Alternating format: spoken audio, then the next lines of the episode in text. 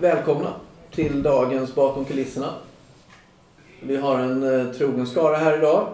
Uppblandat med lite newbies nästan. Välkommen David. Så det newbies? Tack. Ja, men David har varit med, men det var ju länge sedan Mm. eh, som du var med och snackade. Det var i början i december va? Året var 1450. Men det var faktiskt eh, förra året. Ja, det stämmer säkert. Mm. Jag har ingen aning. Men det har jag. Sen var du med där ute förra gången. Mm. Precis. Välkommen tillbaka. Tack så mycket. Mm.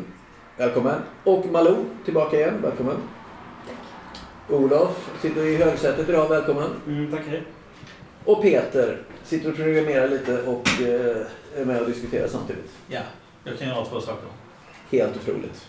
Välkommen. Hörni, idag eh, ska vi, vi ska ju, tänkte ju prata, vi pratade i måndags lite med utgångspunkt egentligen av den här eh, konflikten, vad man får kalla det, på Malmö universitet. Den här sexologkursen som har stått mycket i media om det.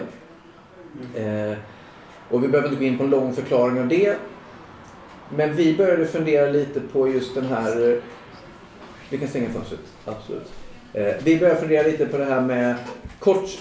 Eh, det finns säkert en lång historia bakom, men kort var ju det att eh, det, det kulminerade i en, i en, under en föreläsning när vissa studenter som tidigare anklagat kursen för, för eh, rasism och eh, diskriminering och under en föreläsning om eh, rasistiska stereotyper så visades rasistiska stereotyper i media då. Olika gamla reklambilder och, och sådär. Och eh, då blev det ett eh, då blev det öppen konflikt där de menade att, att men, det här är rasistiskt och föreläsaren menar men vi måste visa rasistiska stereotyper för att eh, kunna prata om dem. Och eh, svaret blev att ja men du, vem är du att bestämma hur någon reagerar på de här rasisterna? Så att, så att, men med risk för att generalisera väldigt mycket så tog vi det här med att eh, till vår diskussion egentligen där, kan man eh, att måste man titta på rasism, alltså vad spelar orden och bilderna för roll? I olika, eh, finns det egentligen olika kontexter och sammanhang? Eller spelar orden alltid, har de alltid ett eget syfte, ett eget liv? Sådär, kan man prata om rasism utan att titta på rasism? Eh, Är det rasism att visa rasism för att prata om rasism? Alltså, vad betyder orden och sammanhangen egentligen? Det var lite det vi pratade om i måndags och sen har vi diskuterat lite. Är det någon som spontant har någon, någonting ni har funderat på i veckan? Du pratade lite förut Peter här om, om just representation. Vad var det du? Ja. Skev representation. Just det ja. Eh, det var... Eh, jag såg en film, jag behöver inte nämna vilken film det är just nu, för då blir det bara en diskussion om det. Eh, men jag såg en film där det handlar om att eh, en, en person som gjorde ett brott, han, han fick, visserligen det var en advok- advokat som försvarade honom och eh, jag anser att det var skev representation för att eh, han, han fick brottet att se ut som att det inte var något brott. Liksom. Eh, även om det uppenbart var det. Men med skev representation menar jag att om man inte är i den, om man är i den situationen att man ska representera en annan person så gäller det att man vet en hel del saker om den personen. För att annars så kan det bli skevt. Man kanske lägger till egenskaper till personen på gott eller på alltså, fördel och nackdel. Alltså det kan vara på båda hållen. Men eh, ja, nu, nu rörde jag ihop allting till en enda röra. Men, eh, Nej, men det tror jag inte du gör egentligen. För det- stämmer väl lite den här biten att eh, vem är jag att utifrån? Alltså man har ett Ja. utifrån perspektiv på varandra. Liksom. ja. Så att man måste ju ha en viss, ska jag prata för dig? Eller när gör jag det?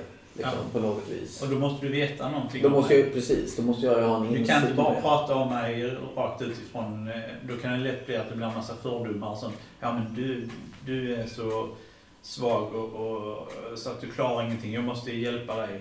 Då Mm. blir det skev representation på det hållet. Eller Mm. tvärtom. Ja men du är stark, du behöver ingen hjälp. Eh, Alltså, det, det gäller att man, det, det får ju personen själv svara på egentligen. Alltså, representation är ju inte perfekt, en perfekt metod egentligen. Utan det, representation tycker jag det har man när det gäller politiker. För alla kan inte vara politiker. Eh, det, det krävs alltså en central person som representerar många. Och det, det är en energibesparing och en tidsbesparing och resursbesparing att representera många andra personer. Men eh, om det inte behövs en representation så tycker jag att eh, det inte ska vara någon representation heller. Nej, om man tänker då, vi pratade ju faktiskt lite innan här när du kom och Olof kom, det här med representation överhuvudtaget så lyfter du och ord och att prata för eh, en annan, en minoritet till exempel. Mm. Vem är jag som vit att prata om vad de svarta ska göra för att de, alltså de generaliserar. Du lyfter den här gamla härliga låten Nigga Ja. med Clawfinger. Som vi lyssnade lite på det just att, vilket ju är ett ganska skevt sätt, just att de rappar om att till svarta att säga Att, varför inte kan säga, att inte säga negativt. att inte säga negativt till varandra, för vilket, det kan inte ni göra för det finns ju en historisk kontext till det här. Och samtidigt är det förövaren, även om det inte är just Clawfinger då som, som har begått övergrepp, men den vita, de vita har ju begått övergrepp och samtidigt är det vita som talar om att varför ska ni säga det för? för det finns en, alltså, så det är väl ett, tydligt större exempel på skev representation Ja. kanske just att det blir Ja. ganska konstigt liksom. Ja. Mm. Eh, och sen, eh, sen pratar jag också lite om kontext. Att, eh, idag, idag så var det någon som sa det, var du som sa det där att orden ligger lite för sig själva. De är inte i ett sammanhang idag på samma sätt som de var tidigare. Ja, Alltså kan vara så. Kan vara så. Alltså, vi- jag hade läst en artikel om det precis. Ja, ja. funderar på varför det är som fokus på vissa, om man plockar bort vissa ord. Ja, men jag, jag anser det att man är alltid i någon form av kontext. Ekar inte lite här? Jo, det är väldigt mycket. Ja, det är någonting med rummet där ute precis som gör att det kanske går igenom någonstans. Mm. Ja. Man är alltid i någon kontext. Man är alltid i någon kontext. För att ä- även om jag, eh, om jag skulle vara, sväva omkring i rymden helt själv i, i vakuumet där så, så är jag ändå i en kontext av mig själv. Att, eh, att jag finns ju där åtminstone. Och, och det är också en kontext där i att det inte finns någon annan där. Och då, alltså då, då skulle jag ju kunna säga dåliga ord men jag kommer ju själv att må dåligt av det ändå. Uh, ja, jag försöker... Kan, ja, men jag får absolut förstå vad du menar. Alltså, Mm. det, alltså det, så fort det finns intelligens så finns det väl en kontext, tycker jag. Vad säger ni andra? Tänker ni Ja, det blev riktigt över mitt huvud det här. Det blev eh, kanske inte riktigt. Det blev väldigt... Det blev stor... eh, Så här... Fokusering av ett, av ett ord. Att det blev en filosofisk diskussion om det ordet. Men är det inte lite att olika ord har olika laddning och betyder olika saker för oss och kanske skadar oss själva också om vi använder dem? Någonting sånt du menar? Ja. Ja. Mm, precis. Har du funderat mycket, du är ju väldigt intresserad av språk, Malou, och ord. Mm. Eh, hur, tänker, tycker du, lever vi i en platt tid? Där orden i sig är, är, är liksom betydelsefulla utan sitt sammanhang? Ja, jag tycker nog också att det är viktigt att se till en kontext. Mm. Men om vi lever i en platt tid? Nej, det är ju ett Nej, generaliserande det tror också. jag inte. Mm. Mm. Utan det är nog inte tiden. Det har nog funnits liknande grejer i alla tider. Mm. Men det är som vissa begrepp, tänker jag, som till exempel eh, Sverige, som till exempel, om vi nu tar bort vissa negativt laddade begrepp så kommer det ändå finnas nya som har speciella koder. Om jag tar begreppet eh, Sverigevän till exempel, som är ett väldigt okontroversiellt ord egentligen, alltså i sig, alltså att man är vän, vän med Sverige. Men det har ju en, har ju en viss laddning nu att, och då är det lätt att säga, vadå, är du, är du inte Sverigevän? Betyder det att du tycker illa om Sverige? Att det blir något sådär, medan egentligen så har det, fått, det har ju fått en specifik innebörd. Eftersom det Ja, det är ju ett ord som har stulits, eller stulits, men det har ju på något sätt satt i ett sammanhang och nu är det Ja. några som äger det. Jag Ja. ser David reagerar här. Ja, eh, med, med just det här, eh, vi ska använda ett annat ord, eh, med, med stipulationer så att man, man värdesätter olika ord. Att eh, lukt, os och dör har ju, betyder samma sak men har olika värderingsinnebörd lite beroende på eh, alltså, hur de här orden används i det egna kollektivet. Hur används de inom familjen? Hur används de liksom... Men är det inte så att doft och lukt Ja. har olika generella betydelser? Ja, ja. Jag kan nämligen aldrig riktigt hålla isär det. Ja, och dör också. För dör, då är det dålig lukt. Mm, lukt det kan vara även sånt som luktar gott, så Ja. det är inte samma sak. Mm.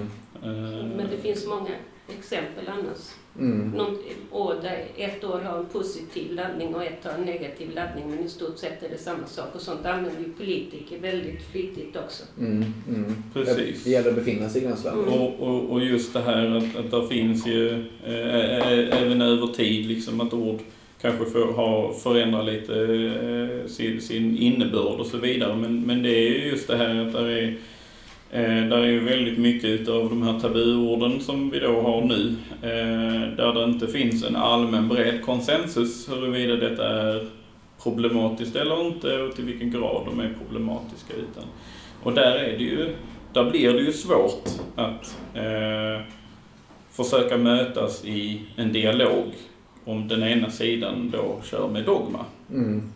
Eh, och det är ju där jag ser besväret egentligen. Att Mm. finns där en öppen dialog så då går det ju att delta. Mm. Eh, men är det, eh, är det liksom att du, detta här är din intention när du använder det här ordet så får du skylla dig själv. Då kommer vi kunna måla ut dig som en förövare. Liksom. Mm. Eh, och det, det tycker jag är problematiskt. Ja, vi kan återkomma till spännande dogma här för det är ju det är spännande. Du skulle säga någonting Malou också? Ja, det där tidigare, jag bara kom att tänka på ett annat exempel som det här, han sa Sverigevänner, jag kommer att tänka på PK som Mm. betyder politiskt korrekt. Men korrekt, det borde ju vara något positivt, men det används som någonting negativt. Mm. Ja, det har ju förskjutits som ett Ja, ord som, precis som David nämnde. Ett någon- exempel. Ja, och det är ju intressant hur, hur ord eh, plötsligt eh, om, omhändertas eller faktiskt stjäls. Fast det har aldrig varit positivt, så länge jag har levt så kan jag så har det aldrig varit ett positivt begrepp. Har det alltid syftat på när någonting, att det är någonting, när man ska skriva om någonting för, för ängs... För Är det så med politisk korrekthet? Kanske, jag kanske tänker snett. Har det alltid varit negativt Jag tycker alltid, i alla fall så länge jag har levt och under 90-talet också när liksom, så har, i alla fall så, så, så även om det kanske inte hade riktigt samma, då, då kanske det, alltså det syftade, det syftade på det här att man alltid, eh, man alltid säger vad man förväntas, eh, vad man förväntas säga som är eh, oförargligt, att man använder det började väl med, nu är jag ingen expert på detta, men det har börjat med någonting att man, man kallade, istället för att säga städerska så sa man lokalvårdare och sådana saker. Man skrev om det för att det skulle ha en mer, mindre negativ laddning. Att det Mm. skulle, inte skulle peka ut vissa yrken. Som sagt. Mm. Så det var väl, men, men politisk korrekthet har ju funnits, alltså det var det här med till exempel på 90-talet att man har, det var vissa skolor, det gick en sån diskussion då att man inte skulle hissa svenska flaggan på avslutningar för att det kunde kränka vissa invandrargrupper och sånt. Och, eh, och att och, eh, och folk protesterade mot det och man tyckte att det här, är, det här blir löjligt. Men även då fanns ju den här diskussionen om politisk korrekthet. Och, Mm. Sen vet jag inte hur... Jag vet inte om, hur det var på 70 eller 80-talet, om det var mer positivt då. Det vet jag inte. Nej, det kanske är så att den kombinationen politisk korrekthet kanske alltid haft en viss... Ja. Fast den har ju ändå tagit någon form av vändning nu. För nu är det ju när, ett närmast hatiskt använt Ja, begrepp. Liksom. jo det är det. Eh, nu tänker jag på den speciella frågan som vi hade från början. Alltså det här med sexologiutbildningen. Alltså jag, jag tänkte mig en reflektion så här. Om, om vi säger att man skulle lära eleverna hur, hur hemskt det är när man hugger huvudet av en människa. Mm. Och så sätter man upp en person där i klassrummet och så tjoff så hugger man av huvudet. Alltså de har ju man har gjort ett brott. Mm. Eh, Man har gjort något som är helt onödigt. Eh, Varför ska de lära sig att det är är hemskt? Det... Alltså varför ska de lära sig att det är hemskt? Man, man, alltså antingen tycker man väl det är hemskt. Men kan Eller så tycker man inte det är hemskt. Varför ska man, ska man lära eleverna att det här är hemskt? Nej, fast jag Och tänker... jag tänker på det, just nu eh, Alltså det de tog upp det här med, eller vad heter rasistiska bilder eller ja, Stereotyper, precis. Mm. Rasistiska stereotyper. Ska, ska de lära eleverna det är hemskt med rasistiska stereotyper? Eller ska de lära dem att det är okej med rasistiska stereotyper? Jag tycker det är eleverna själva som ska ta ställning i den frågan och inte läraren som ska lära ut en sån sak. Så jag tycker att det var helt onödigt att, att överhuvudtaget ta upp ämnet. Det var en vändning Peter som heter duga må jag säga. Ja. Eh, för jag tänker att eh, det var nog inte, för, för det här kommer man in lite också på det som jag pratade om akademisk frihet. För jag tänker kanske att det kan nog vara så att all, all utbildning på något riktas åt något håll. Men en stor poäng är väl att du som elev i vilket sammanhang det nu är, än är, att du själv ska bilda din uppfattning. Mm. Alltså på något sätt. Men hur ska man förstå rasism och rasistiska stereotyper och strukturell rasism om man inte ser det liksom? Sen kan man bilda sin uppfattning och tänka att ah, det håller jag inte med om. Eller det håller jag med om. Jag förstår vad jag menar? Nej men jag tänker att den är intressant. Behöver man utsätta sig för saker för att förstå saker eller gör man det bara? Eh, man kan utsätta sig för det men man måste också väga det mot eh, den negativa aspekten. Om det, om det kostar för mycket att utsätta sig för någonting bara för att lära sig om det, då kan man inte göra det. Men får vi inte ett fattigt samhälle om vi tänker utifrån ett individ? Jag tycker det är jobbigt så jag, jag, behöver, jag, vill, aldrig, jag vill aldrig se det. Ja, men jag tycker det är lite takt och ton. Alltså, kunde de, de kunde ta upp de kunde tagit en lite mildare variant i så fall. Av, eh, de behöver inte ta det på värsta Förlåt. rasistiska. Jag Jag, bara jag, tänk- har inte själv läst Nej, men jag bara tänker så här. Jag tänkte just att vi inte skulle in för specifikt på, på det som hände där för att vi har faktiskt inte varit med. Men om du vill kolla vad det var hon visade upp för rasistiska stereotyper så publicerade hon en artikel i Sydsvenskan där hon la upp bilderna. Och då är det typ, eh, ja men vet rischoklad. Mm. Med eh, då de här Mm. lite kineserna som så här. Och det här. Det, det, den typen av rasism. Så det är liksom inte sån här, det är inte piskade ryggar och den, det är liksom Mm. ganska subtila, Mm. som inte är så subtila bilder på det sättet. Så kolla gärna dem. Ja, jag ska hålla tyst resten av podden. Nej, det vet jag inte riktigt man behöver göra. Men eh, jag tänker att man kan, om man lyfter lite därifrån så har vi lättare att prata om de här idéerna kanske. ja. Jag tänkte att det kanske har betydelse vem det är som föreläser om det. Mm. Om det är någon som själv tillhör någon av de här grupperna, de Mm. här stereotyperna som vi säger. Kanske Mm. läget hade varit annorlunda. Det är väl precis det det hela har handlat om. Att de lyfter fram vem, har, vem är du och har rätt att... att de är. Precis, ja, men det, det är, precis, är det ju en av de stora aspekterna i det. Ja. Ja, men då kunde du tagit eh, rasistiska bilder som produceras i Kina eller någonstans om västerländska eh, människor. Det måste finnas det också. Eller, någonstans, är jag övertygad. Men vad är kompetent? Alltså vad, är- vad, är, vad är betydelsen för utbildningen att, att lära sig om eh, då kinesiska fördomar? Eh, om, om, om i utbildning. Utbildningen är ju ändå att den ska ske här.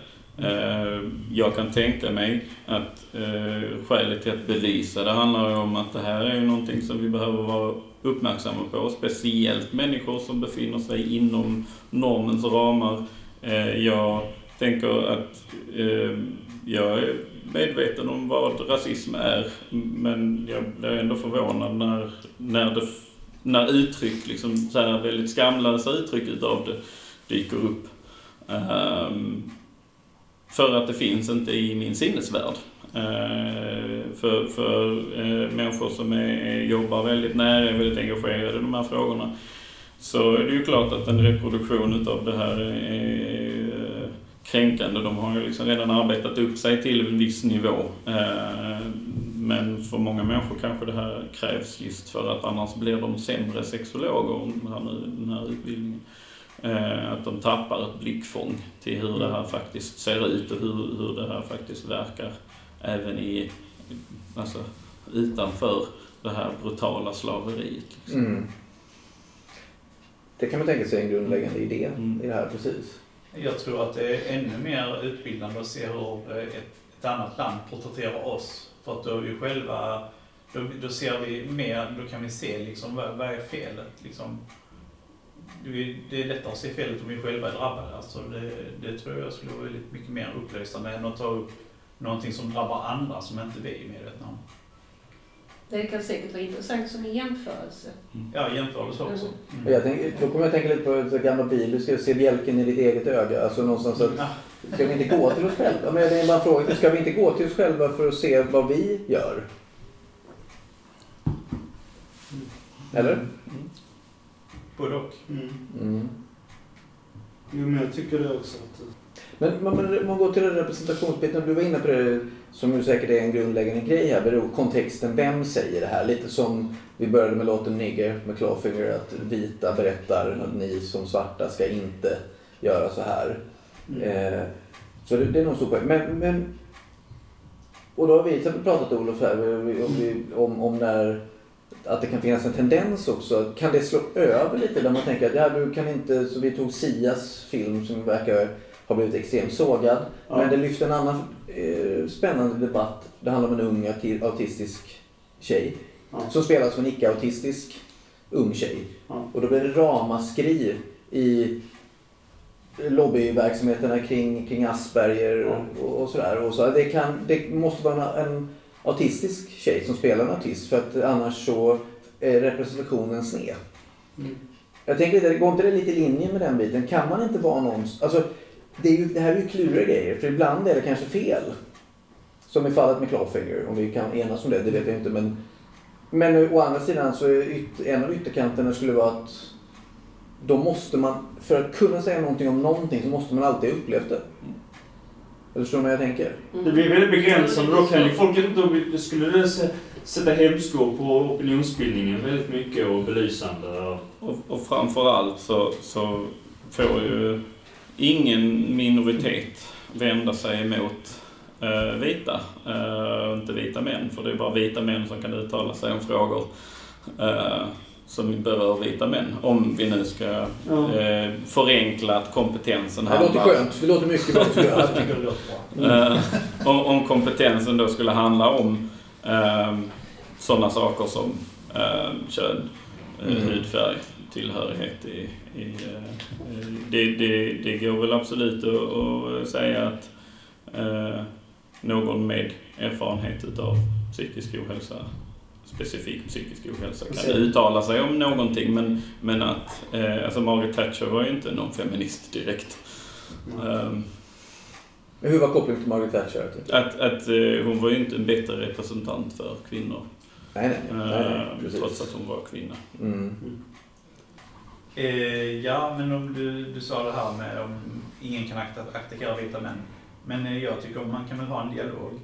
Eh, någon kan skriva en attackartikel och sen kan en vit man svara på det och säga att nej men vi är inte så här, vi är så här istället.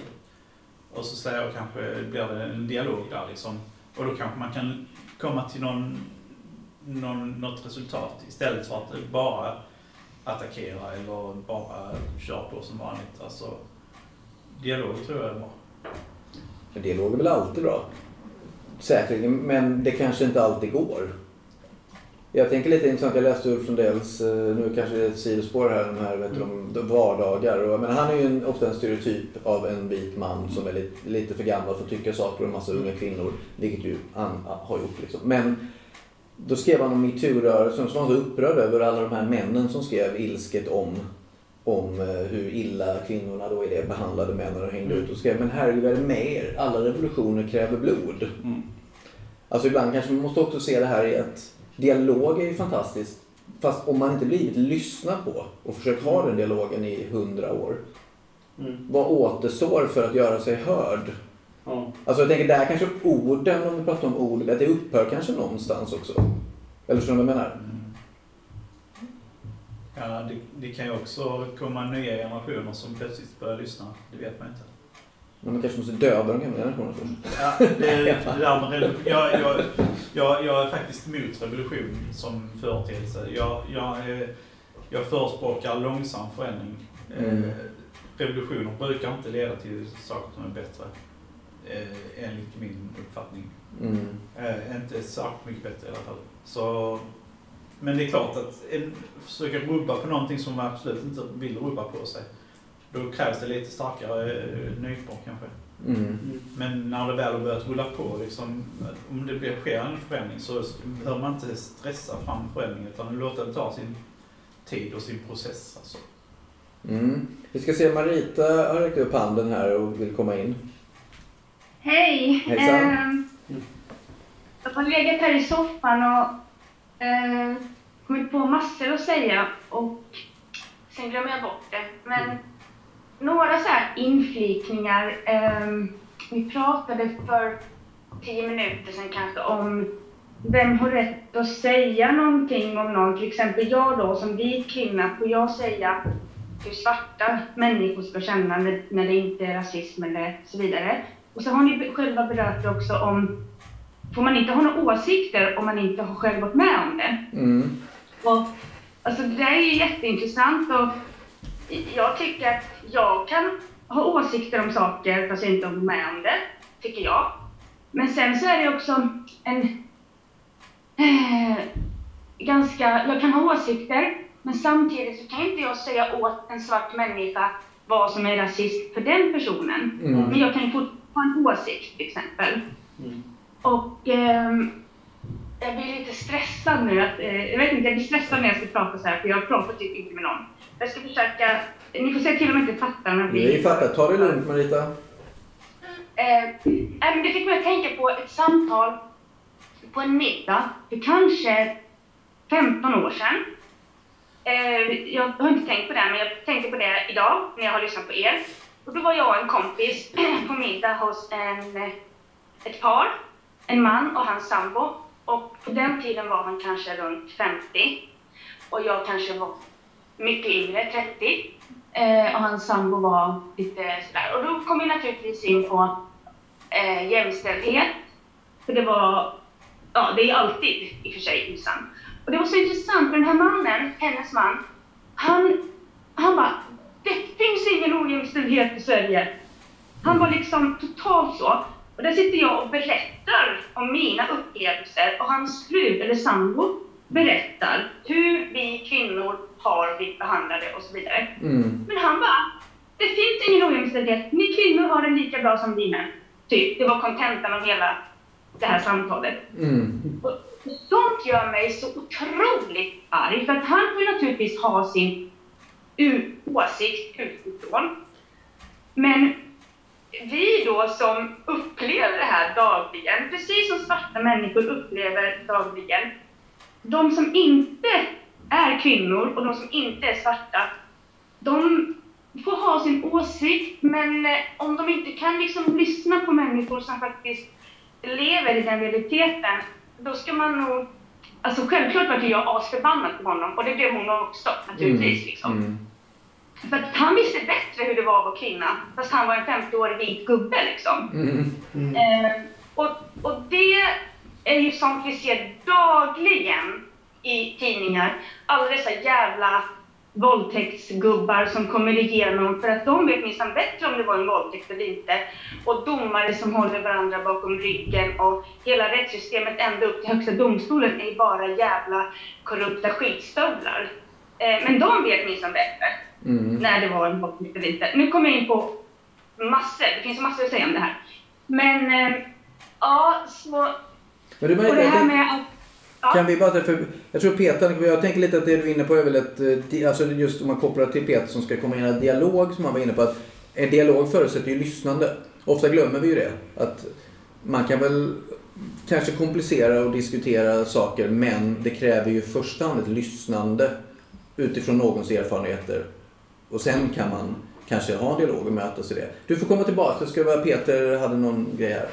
Jag tänkte på det Marita du sa om att eh, han, han tyckte att kvinnor har det lika bra som män. Kanske var det så att han menade egentligen att män har det lika dåligt som kvinnor. Eh, jag vet inte, men eh, alltså jag vet det var någon som hade sagt att eh, varför, eh, att, det, att män, har, män är lika stort, stort diskriminerade som kvinnor i vårt samhälle. Och jag, jag, det kanske ligger någonstans, sanningen ligger någonstans där mitt emellan. Att män är också diskriminerade, kanske inte lika mycket som kvinnor. Men... Eh, Ja, vem alltså, då? vi är diskriminerade, alltså män är ofta diskriminerade av män. Att det, äh, det, blir, äh, och, äh, det finns en del kvinnor också som, som äh, som agerar så att män blir uteslutna. Eh, kvinnor som använder makt, eh, så här, vad heter det, makt... Vad heter det? Språk eller man, Härskarteknik härskar, härskarteknik och, och sådär. Eh, så det finns ju den, den eh, varianten också. Men jag tycker ju att, att man kan ta upp båda sidorna och försöka förbättra det för alla parter. Att kvinnorna ska få det bättre genom att vi män och andra kvinnor tittar på hur de beter sig.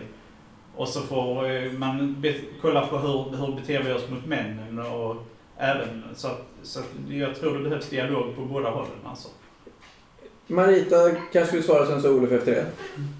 Eh, ja, jag blir ju lite så här chockad över det du säger för att det finns statistik och fakta på att vi är inte jämställda. Det är bara att kolla på löner till exempel och eh, kolla på hur många kvinnor som blir misshandlade och mördade i sina hem. Det är in, självklart finns det diskrimination män emellan och kvinnor emellan. Men om vi pratar i det stora hela, i hela fucking världen, så är det fan inte män som blir mördade hemma i sina hem, till exempel. Och lönerna, alltså vi har samma löner, 77% av männens lön har vi liksom haft sedan 50-talet. Och det har inte skett någon förändring. Så vi har kvinnor, vi, och män, många män med oss kvinnor har pratat och kämpat och diskuterat och försökt, som Per sa, liksom i hundra år. Alltså det, det är liksom, det går inte att diskutera fram någonting, det händer liksom ingenting. Jag förstår att, alltså jag känner mig helt maktlös när jag läser om hur kvinnor fortfarande blir behandlade i domstolar. Och det blir inte män. Så Peter, nej, jag måste bara säga att du har fel, fast du får tycka så. Men kvinnor blir diskriminerade hela fucking tiden liksom. Tack. Jag säger så att eh, jag kommer bryta den här. Eh, vi kan ha en feministisk debatt om detta. Det är inte det programmet handlar om. Bara så, tack Marita. Ja, ja, ja, Olof ska få komma in för jag tänker att vi behöver inte, det var jag ville bara säga att det är inte för att trycka ner dig men vi behöver inte gå hela vägen ditåt. Nu har ni sagt era åsikter så kan vi ha en diskussion om det sen. Eh, och så nu får Olof komma in. Ja, nej men jag skulle fortsätta på det och, och jag eh, håller väl med alltså, Marita om, eh, om just det här att det är förmodligen ganska mycket, ganska mycket mer man är utsatt för som kvinna. Alltså, i, även, eh, även, inom, även inom sociala medier. Alltså man blir påhoppad väldigt lätt och det finns, och det finns sådana här strukturer överallt som där, där det är att män många gånger trycker ner kvinnor. Och det är liksom mycket lättare. Man, är, man har inte riktigt samma säkerhet. Man, är inte, man löper större risk att bli utsatt och man är mer utsatt i vår... Det, det, det är precis så som eh, Marita säger där. Och, och när det gäller löner och sådär så är det väl att så är det väl också något, då är det något strukturellt sådär att ofta kvinnor har fastnat i låg i, eh, i så här delbetalning och att eh, de har förväntats göra eh, stanna hemma och ta hand om barnen väldigt mycket som gjort att deras medelinkomst blir. Det, det är sant. Sedan kan jag väl till viss del hålla med, alltså när det gäller, när det gäller det som Peter är inne på, det här med alltså svårigheterna så att han, när man, han kanske lyfter fram svårigheter för män. Alltså det finns ju en annan typ av svårigheter som kanske inte, jag säger inte att det ena är, att det ena är bättre, jag säger inte att det är bättre att vara kvinna i det avseendet, men på vissa sätt så är det faktiskt så är det ju svårare för Alltså vissa aspekter, så kan man ju mäta de sakerna i olika vikt, men vissa aspekter är det nog svårare för män, tror jag det här att män blir, har lättare att få hamna i livslångt singelskap till exempel. Jag det- tänker så här, förlåt jag bryter nu för jag tänker att vi ska inte prata, det är inte det, vi kommer in på grejer som inte var egentligen, jag tänkte att vi skulle försöka hålla oss lite kvar i det här med, med sammanhangen, kontexterna, orden och representationen egentligen. Mm. Eh, visst, man kan, prata, man kan prata om manligt och kvinnligt i det här, men då tänker jag kan man hålla sig till det snarare än att vi hamnar i en, debatt om det. Liksom. Vad säger ni om det? Är det okej? Eh, I så fall, Peter. Ja, vi behöver inte ta upp den diskussionen nu, men vi kanske kan ha det till Det kan vi ha vid ett annan annat tillfälle. Självklart. Det kan vi ha. Men jag tänker att, om, eh, känns det okej med dig Marita att vi pratar lite om, om, om kontexter och representation just i det här? Tack. Eh, Caféet vill komma in här. Eh, ja, det, var, det var Buster här. Hallå. Eh, ja, eh, nej, men jag tyckte det var ganska intressant det där eh, om eh, reaktionerna på den här skådespelaren som hade spelat en, en, en utvecklingsstörd, eller? eller Ja, Eller Autistisk. autistisk. autistisk då, t- då tänkte jag direkt på Rain Man. Mm. Det var ju tvärtom, men det fick väl till och med en massa Oscars och, och så. Och det är ju egentligen samma grej. Absolut. Ja. Och det är väl lite skillnad, tänker jag, hur... Alltså dels var det en lite annan tid, man hängde inte upp sig så mycket på det här. Och dels så var det väl lite mer efterforskning, lite mer seriöst, liksom... Li, li, lite mer att de hade gjort lite mer research och lite mer... Och, inte, och ingen så ytlig porträttering som i det här fallet dessutom. Att det var någon som hade knappt hade ens läst någon notis och kastade någon som egentligen inte alls trivdes med rollen. Så det var ju den aspekten också. Ja, men precis. Och då, och då tänkte jag att alltså mitt svar kändes, äh, kändes det mer som att, precis som du var inne på Olof, där, att eh, om man verkligen har ett seriöst intresse av att eh, gräva djupt i en rolltolkning och göra på ett seriöst sätt så, så skulle, skulle jag tycka att det, att det kvittar om, om det är autentiskt eller att Ja. det är en skådespelare som, som gör det. Alltså som gör det med hjärtat och, och eh, med respekt. eh, Kanske, eller så. Ja, precis. Ja, och jag tänker också att tiden, jag tror tiden spelar jättestor roll, den tid man lever i eller sådär, vad som förändrar eh, i de här bitarna. Och det är väl lite det vi är inne på här just. Eh, du var inne på Dogma, Mm. David, till exempel. Precis, och det, det är väl kanske där det, det blir lite, eller som jag ser att, att det blir ett problem att, att någonstans, eh, eh, absolut är det ju så att eh, revolution kräver blod. Eh, där är väldigt många rörelser som inte har kommit så pass långt som det kändes som att de var på väg. Eh, det går långsamt, eh, många bakslag och så vidare. M- Men det blir ju ändå så, eh, som de sociala varelser vi är, att hårda ord möts med hårda ord. Eh, Om du nämner någonting som inte jag känner mig bekväm med eh, och jag tillskriver dig en intention att du är, du är ond eh, för att du har eh, sagt så här. Mm. Ehm, så finns det ju inget hopp om någon förändring överhuvudtaget. Mm. Utan då är det bara så att antingen så sällar du dig, antingen så lyssnar du på min punkt, eller så höjer du rösten ytterligare ett steg. Mm. Ehm, och, och att det, det eh, även liksom här i, i samtalet så är, det ju punkter Mm. eh, som vi ställer upp. Att men om man gör så här eller om man gör så här eller om man gör så här. Mm. eh, då, är det ju, då levererar man ju ett paket. Då är det ju inte eh, vad har du att- erbjuda mig? En dialog, välkommen in. Mm. Så det är väl generellt min känsla kring det här positionerandet Mm. som jag ser. Ja, positionerande är ju absolut Eh, det- en känsla i samhället Mm. idag. Liksom. Eh, att eh, tillhör du inte mitt kollektiv så tänker jag inte ta något ansvar för vilken bild som Mm. jag tillskriver dig. Om jag slänger ut då, som man säger, skulle man kunna tänka sig då som en bild att, att ett av den här revolutionens offer skulle vara sammanhang. Alltså på något sätt att, att vi är så... eh, När, när liksom våra... eh, Vi, vi, representationens offer Mm. blir sammanhanget på något sätt. Som ett blodsoffer där, där om man tänker att det är en revolution av godo. Liksom, så här, att vi ska bli varse eh, representationsproblem, minoritetsproblem, rasism, sexism och allt det här. Det kan ju också bli dogmatiskt. Ja, det, blir, och det, det är det jag menar. Revolutionen blir ju ofta lätt eh, dogmatisk också, även om det finns en god tanke.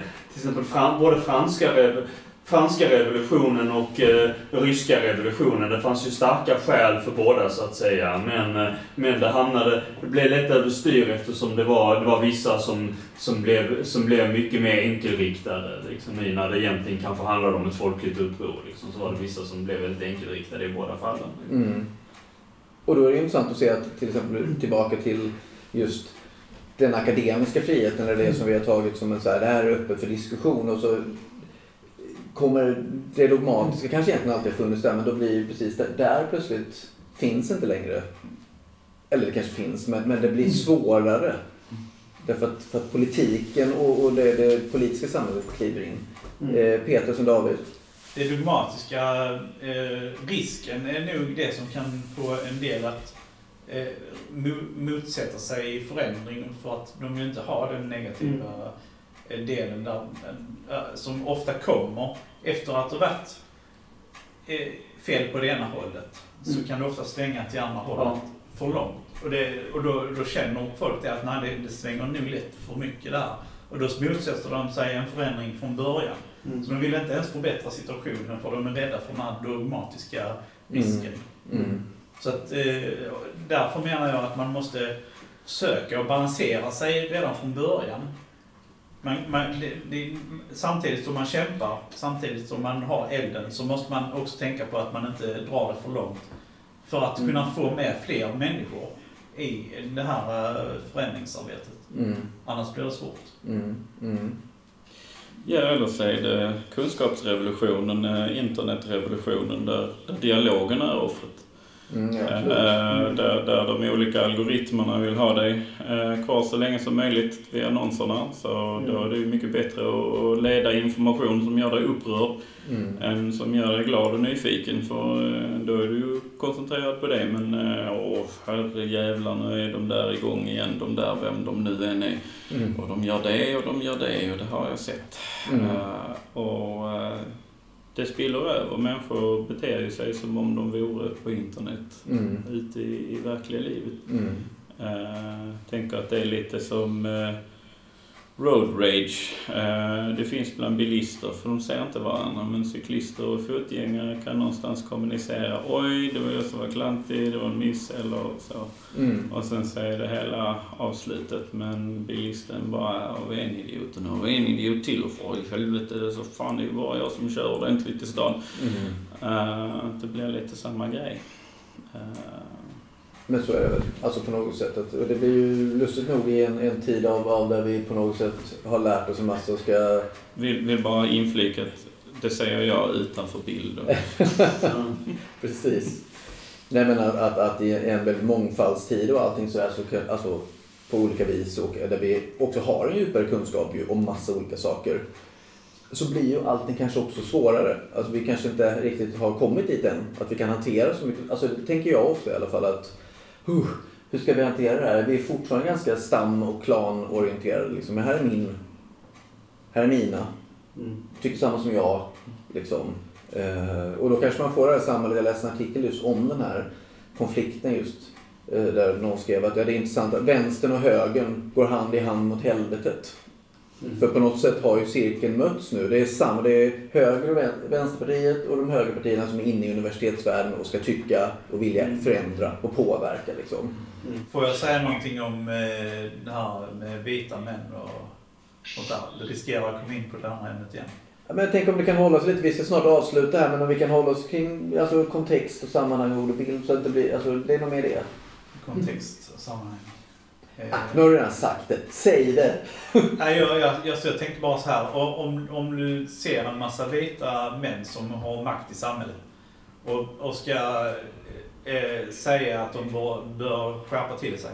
Säger du det till en, en arbetslös eh, lågklass eh, man som inte har någon flickvän och inga pengar och har depressioner och sånt.